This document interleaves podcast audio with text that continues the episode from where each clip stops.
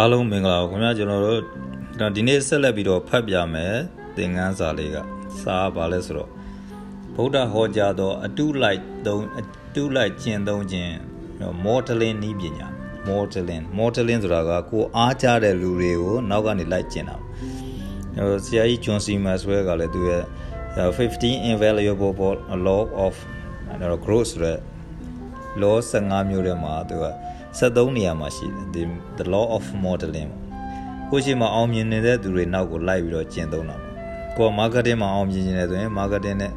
အောင်မြင်နေတဲ့လူတွေကိုလိုက်ပြီးတော့ကျင့်သုံးတာအဲ့တော့အတူလိုက်ကျင့်သုံးခြင်းနည်းပညာဒါကကျွန်တော်တို့အောင်မြင်ခြင်းတဲ့သူတွေလိုက်နာတဲ့အလွယ်ကူဆုံးနည်းလမ်းဖြက်လမ်းမရှိတာအလွယ်နည်းလမ်းပေါ့ကဲအလွယ်ကူဆုံးနည်းလမ်းအဲ့တော့ကိုရှိမှာဘယ်သူတွေကကိုသွားတဲ့လမ်းကြောင်းမှာပေါ့ကိုရှိမှာဘယ်သူတွေကရောက်နေတယ်သူတို့ဘယ်လိုသွားလဲဆိုတော့ကြည့်ပြီးနောက်ကလိုက်မယ်ဆိုရင် တော့ပို့ပြီးတော့အောင်မြင်အောင်မြင်ဖို့ပို့ပြီးတော့လွယ်ကူတာပေါ့โอเคဒါကကျွန်တော် modeling နီးပညာလို့ခေါ်တယ်ဗုဒ္ဓဟာကောလိယမြို့မှာသတင်းသုံးနေတော်မူစဉ်အခါတုန်းကကောလိယမင်းသားဗုဒ္ဓထံချင်းကပ်ပြီးတော့အရှင်ဖျားကာမဂုဏ်မကင်းကုန်သောကျွန်ုပ်တို့သည်ရွှေငွေယရနာတို့ကိုတာယာပြီးတော့သားမယားတို့ဖြင့်နေကြရပါတယ်ကုန်၏ကျွန်ုပ်တို့အားမျက်မှောက်ဘဝနဲ့ချမ်းသာမိတရားတော်ကိုတရားကိုဟောကြားတော်မူပါလို့လျှောက်ထားပါတယ်ဒီခါမှာ ဗုဒ္ဓကကောလိယမင်းသားကိုမျက်မှောက်ဘဝမှာချမ်းသာမဲ့တရား၄မျိုးကိုဟောကြားခဲ့ပါတယ်ဒီတရား၄မျိုးဟာ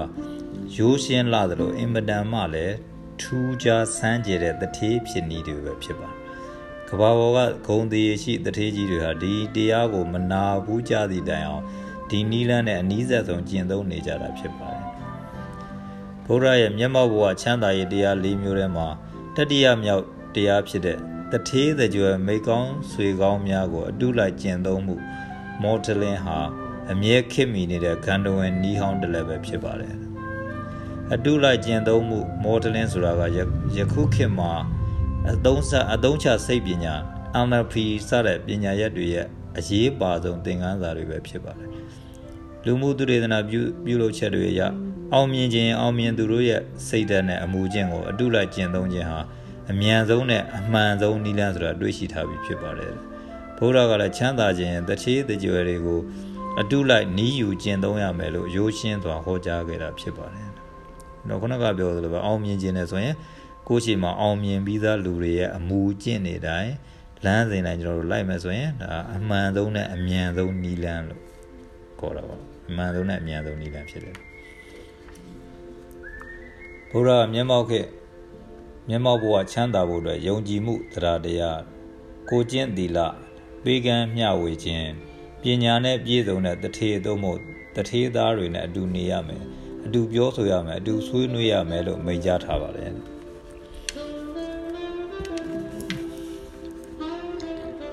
ဒီနေရာမှာယုံကြည်မှုတရားတရားဆိုရမှာကံကံရဲ့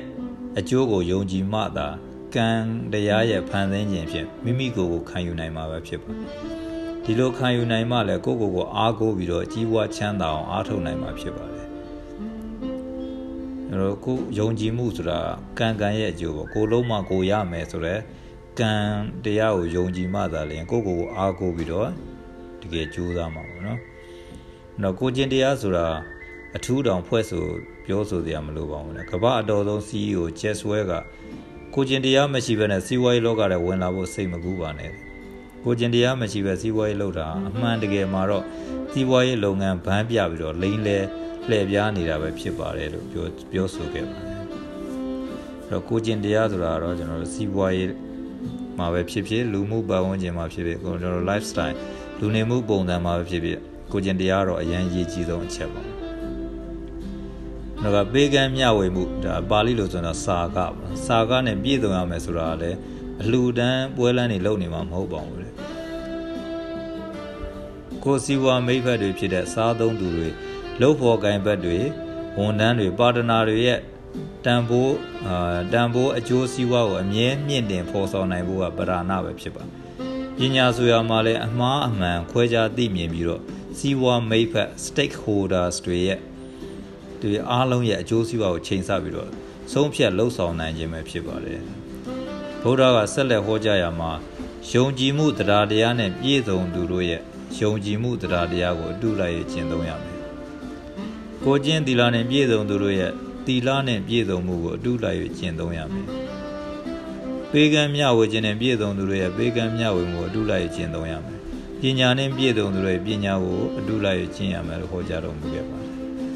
ကြံရှိတဲ့ဗုဒ္ဓရဲ့မျက်မှောက်ဘဝချမ်းသာရေးတရားသုံးပါးကိုလည်းနောက်ပိုင်းမှာသက်ဆိုင်ရာကဏ္ဍမှာထည့်သွင်းဖော်ပြပေးတော်မှာဖြစ်ပါတယ်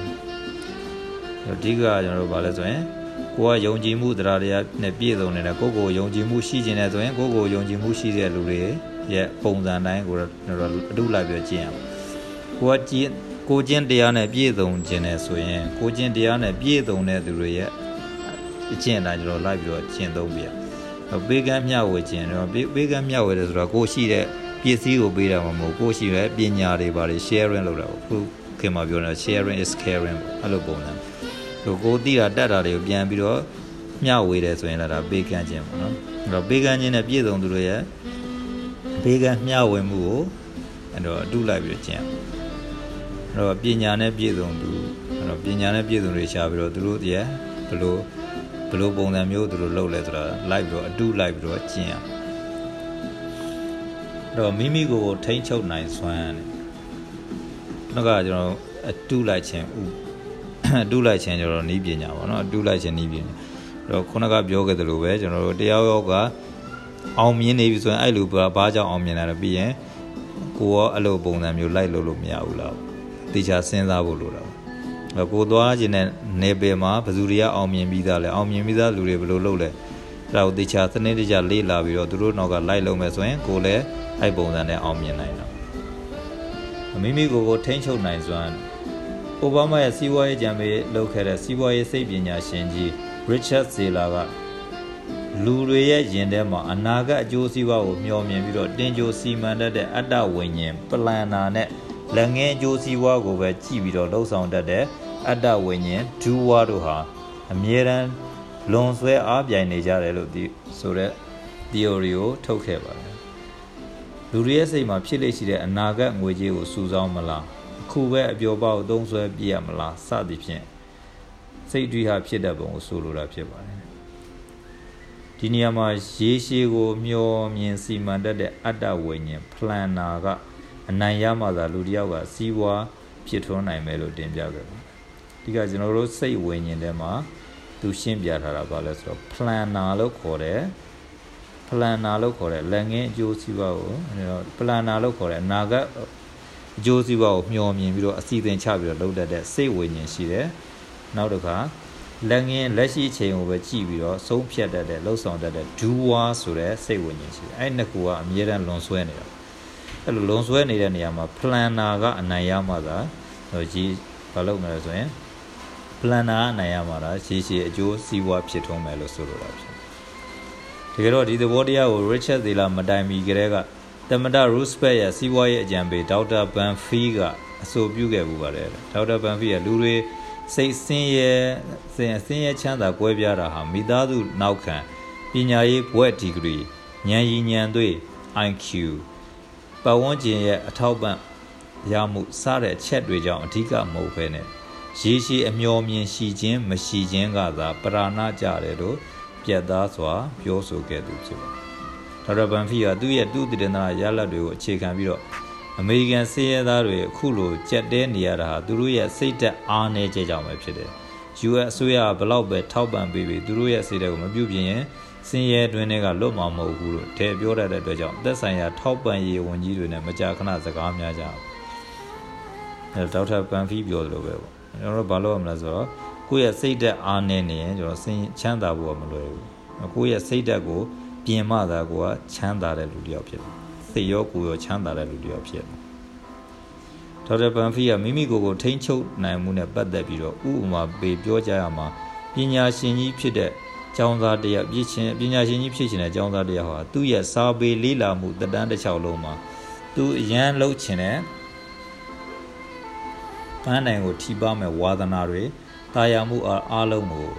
ကြံ့ကြံ့ခံရှောင်ကျင်ဖို့လိုအပ်ပါတယ် ထို့လိုပဲဆင်းရဲမွဲတေမှုလွတ်မြောက်လိုသူတူကပိဿုပံမှာပေါ်လာတဲ့တရင်ကစိတ်ဆန္ဒတွေကိုထိ ंछ ချုပ်နိုင်ဖို့လိုအပ်တယ်လို့အကြံပြုပြောကြခဲ့ပါအဲ့တော့ပညာရှင်ဖြစ်ချင်တဲ့လူတယောက်ဆိုရင်ကိုလှုပ်ချင်တဲ့ချက်ချင်းလှုပ်ချင်တဲ့ဟာလည်းမှာဂိမ်းကစားချင်တာပဲဖြစ်ဖြစ်တခြားတစ်ခုမဟုတ်တာလုပ်ချင်တာဖြစ်အဲ့ဒါတွေကိုတော့ထိမ့်ချုပ်နိုင်ဖို့လိုသလိုမျိုးပဲကျွန်တော်စီးပွားရေးမှာကိုကချမ်းသာကြီးပွားခြင်းနဲ့ဆိုရင် တရင်ကဖြစ်ပေါ်လာတဲ့အပျော်ပါးကိစ္စတွေကိုကျွန်တော်ရှောင်ကျင်ဖို့လို့အမှဆိုရင်ကာရာအိုကေသွားချင်တာကလပ်သွားချင်တာမစားချင်တောက်ချင်တာစသဖြင့်အဲ့လိုဖြစ်ဖြစ်ပေါ်လာတဲ့တရင်ကစိတ်လေးတွေကိုကျွန်တော်ထိမ့်ချုပ်နိုင်ဖို့လိုရတယ်ဒါမှသာလျှင်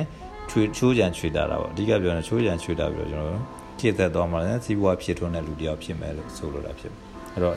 ကိုကိုကိုထိမ့်ချုပ်နိုင်သွမ်းရှိခြင်းကလည်းအင်မတန်အရေးကြီးတယ်အဲ့တော့အရေးချင်းတစ်ခုနော်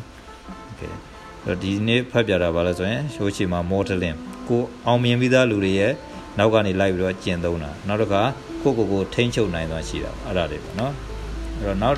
အခန်းကဏ္ဍတစ်ခုရောက်ပြီနောက်အခန်းကဏ္ဍတစ်ခုကဘာလဲဆိုရင်မှန်ကန်သောအသက်မွေးမှုနောက်ခန်းကဏ္ဍကကျွန်တော်မှန်ကန်သောအသက်မွေးမှုမှန်ကန်သောအသက်မွေးမှုမှာကျွန်တော်ပါရှိမလဲစီဝါရေးဆိုင်ရာကိုကျင့်တရားပညာမိတ်ဆက်ကဲ မှန်မှန်ကန်ကန်ကျွန်တော်အသက်မွေးဖို့မွေးပေါ်တက်ဖို့လိုတာအသက်မွေးဖို့လိုတာအဲ့တော့မှန်မှန်ကန်ကန်အသက်မွေးရဆိုတမ္မာအာဇီဝပေါ့မြန်မာလိုတမ္မာအာဇီဝကြကြကျွန်တော်စီဝါရှာတတ်ဖို့လိုတယ်အဲ့အရင်တုန်းကစီဝါရေးကိုကျင့်တရား business ethnic English လို့ဆိုရင်တော့စီးပွားရေးကိုကျင့်တရားကို business ethic လို့ခေါ်တော့ ethic ဘာသာရပ်ဟာ MBA သင်ရိုးတွေရဲ့အရန်ဘာသာရပ်အဆင့်ပဲရှိခဲ့ပါတယ်။ယနေ့မှာတော့ Harvard ပါဝင် ထိပ်တန်းစီးပွားရေးကျောင်းတော်ကြီးတွေရဲ့ MBA သင်ရိုးတွေမှာပင်မဘာသာရပ်ကြီးဖြစ်လာခဲ့ပါဒီလိုဖြစ်လာရခြင်းကလည်းကဘာမှာစမ်းသစ်ဖန်တီးနိုင်စွမ်းအားအကောင်းဆုံးစုကို1996ခုနှစ်ကနေ2000တခုနှစ်အထိ6နှစ်ဆက်တိုက်ရရှိခဲ့တဲ့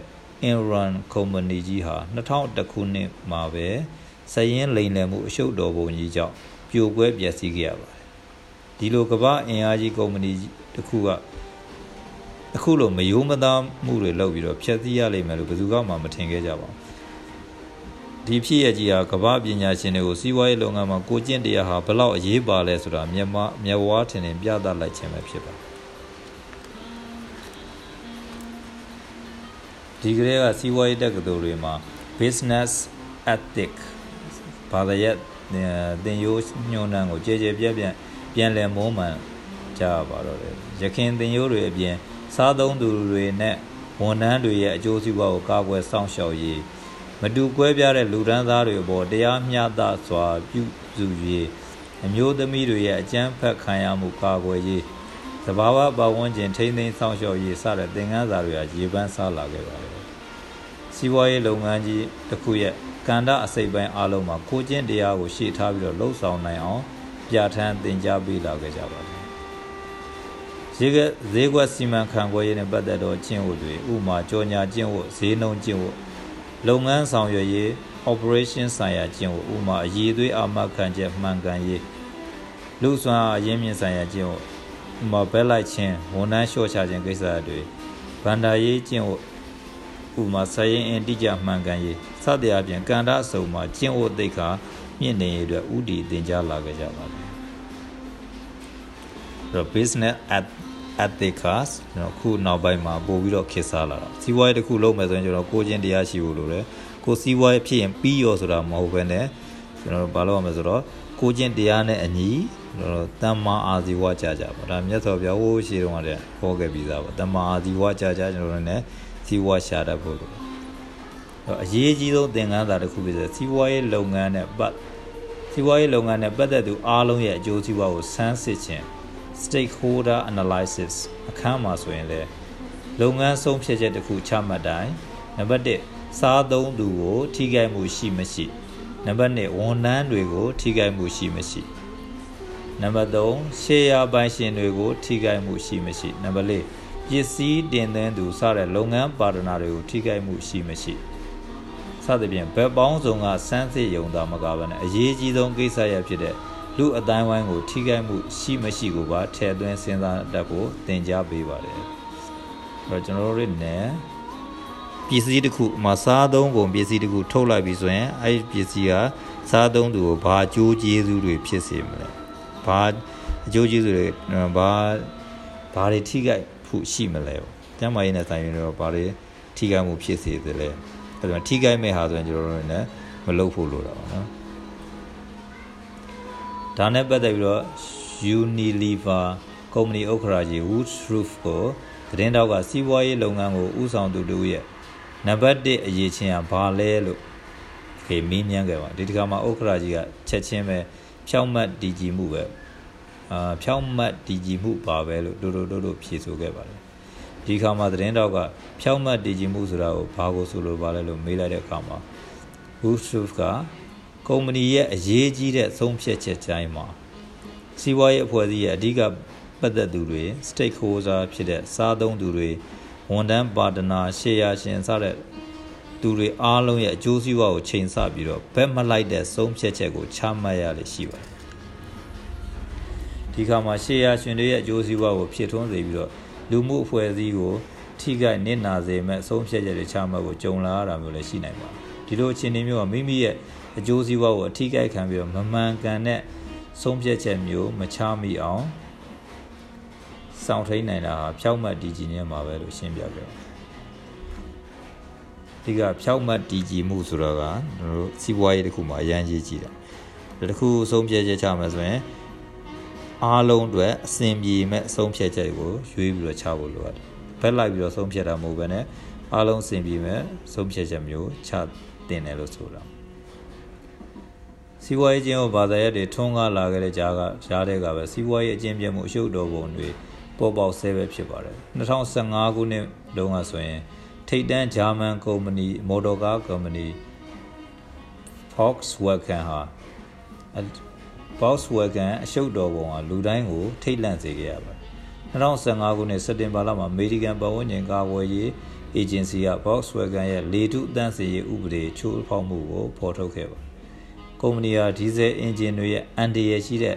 ဓာတ်ငွေထုတ်လုပ်မှုနဲ့ပတ်သက်ပြီးတော့ရည်ရွယ်ချက်ရှိရှိလိမ်လည်ခဲ့တာဖြစ်ပါတယ်2015 2019ခုနှစ်ဩဂုတ်လမှာစက်ရုံတာဝန်ခံကိုထောင်ဒဏ်လ40ချမှတ်ခဲ့ပါကုမ္ပဏီကိုလည်းဖြည့်ပြည့်မြအကျိုးဆက်ပြန်လည်အကျိုးဆက်တွေပြန်လည်ကူစားဖို့ဒေါ်လာ25ဘီလီယံသုံးစွဲရေးခံဝန်တတိထိုးခိုင်းခဲ့ပါတယ်။ဒါကြောင့်စီးပွားရေးနယ်ပယ်မှာတမာစီဝါကြကြလှုပ်ဆောင် ကြစေဖို့အတွက်ကိုကျင့်တရားဘာသာရပ်သင်ကြားရုံနဲ့မပြီးဘဲနဲ့စိတ်ဓာတ်မြင့်နေကျင့်စဉ်တွေကိုပါပေါင်းဆက်ပေါင်းဆက်ဖို့အချိန်ရောက်ပြီလို့ပညာရှင်တွေကသုံးသပ်ကြပါတယ်။ညောစီးပွားရေးတစ်ခုလုပ်ပြီးဆိုရင်တမ္မာဒီဝကြရလုပ်ုံနဲ့မပြီးပဲနဲ့ကျွန်တော်ကိုစိတ်ဓာတ်ကိုအမြင့်ဆုံးရအောင်မြင့်တင်မဲ့ဘာသာရပ်တွေမြင့်တင်ဖို့ကျွန်တော်ကျင့်စဉ်တွေကိုလေ့ကျင့်ပေးဖို့လိုအပ်တယ်။ဒီကတော့တရားထိုင်တာပေါ့တရားထိုင်ပြီးတော့ကျွန်တော်လေ့ကျင့်ပေးဖို့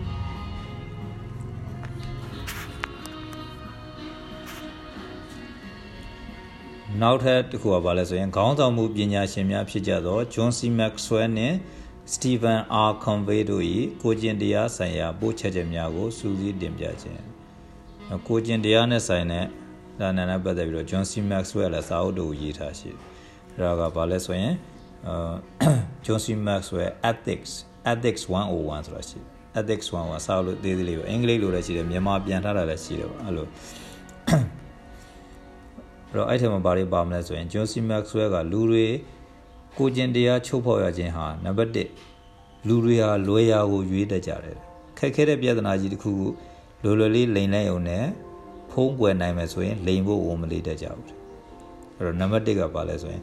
လူတွေဟာလွယ်ရာကိုရွေးတတ်ကြတယ်အလွယ်ပြီးမယ်ဆိုရင်ကျွန်တော်တို့အကုန်လိုက်လုပ်ကြတယ်တော့ခက်ခဲတဲ့ပြဿနာတစ်ခုကိုလွယ်လွယ်လေးလိန်လိုက်ုံနဲ့ပြီးမယ်ဆိုရင်အဲ့ဒါလိန်လိုက်အဲ့ဒါဆိုရင်ကျွန်တော်ကိုကျင်တရားပြပါ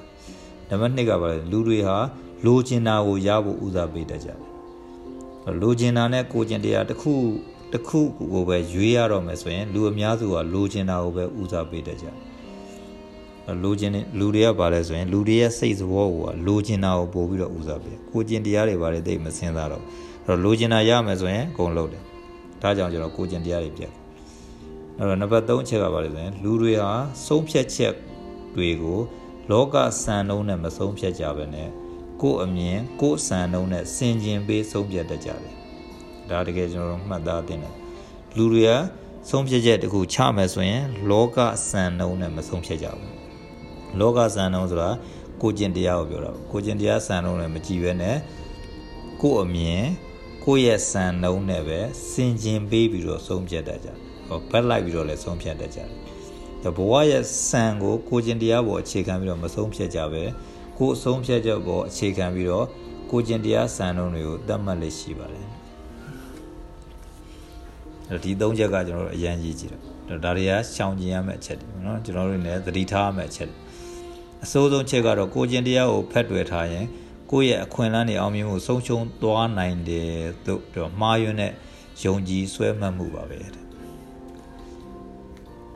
အစိုးဆုံးချက်ပါဘာလဲဆိုရင်ကိုယ့်ရဲ့ကိုကျင်တရားကိုဒါဆွဲကင်ထားမှဆိုရင်မကြီးွားတော့အဲ့လိုပြောချင်တာဟိုသူများနေတဲ့လိန်တယ်ကိုလည်းလိန်မှာပေါ့အဲ့လိုပုံစံမျိုးဥပမာဆိုရင်ဈေးရောက်နေဆိုတော့ကိုကအလေးသူများနေလေးခွဲကိုလည်းအလေးခိုးမယ်ဆိုရင်တော့ဘယ်တော့မှကြီးပါဘူးမလို့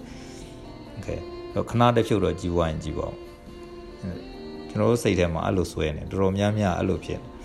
လိန်တယ်လေပြားမှမဟုတ်တာလုံးမှကြီးွားမယ်လို့ထင်နေကြတယ်လူတွေနောက်ထပ်မေးလို့ရှိတဲ့မေးခွန်းတစ်ခုက ကိုကျင်တရားရှိုံနဲ့အလိုလိုချမ်းသာအောင်မြင်ပါလားဆိုတဲ့မေးခွန်းပါပဲ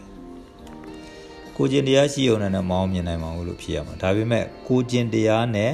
အရေးအချင်းပေါင်းဆက်လိုက်ရင်ခိုင်မြဲတဲ့အောင်မြင်မှုရရှိမယ်ဆိုတာဘဝရဲ့အယိုးရှင်ဆုံးဖော်မြူလာပါပဲကျွန်တော်ကိုကျင်တရားကောင်းနေုံနဲ့တော့ကျွန်တော်မအောင်မြင်နိုင်ဘူးဒါပေမဲ့ကိုကျင်တရားရဲ့အရေးချင်းရဲ့နှစ်ခုပေါင်းလိုက်မယ်ဆိုရင်ဒါခိုင်မြဲတဲ့အောင်မြင်မှု တချို့လူတွေကအောင်မြင်တယ်ကိုကျင်တရားမကောင်းတော့ကြာရှုံးသွားတယ်ဒါကြောင့်ခိုင်မြဲတဲ့အောင်မြင်မှုလိုချင်တယ်ဆိုရင်ကျွန်တော်ဘာလို့မှာကိုကျင်တရား plus အရေးချင်း equal to ခိုင်မြဲသောအောင်မြင်မှု okay ကိုကျင်တရားလည်းကောင်းမယ်အရေးချင်းလည်းရှိမယ်ဆိုရင်ကျွန်တော်ခိုင်မြဲတဲ့အောင်မြင်မှုဘယ်တော့မှမကြဆုံးတဲ့အောင်မြင်မှုရရှိလိမ့်မယ်လို့ဆိုလိုတာဖြစ်တယ်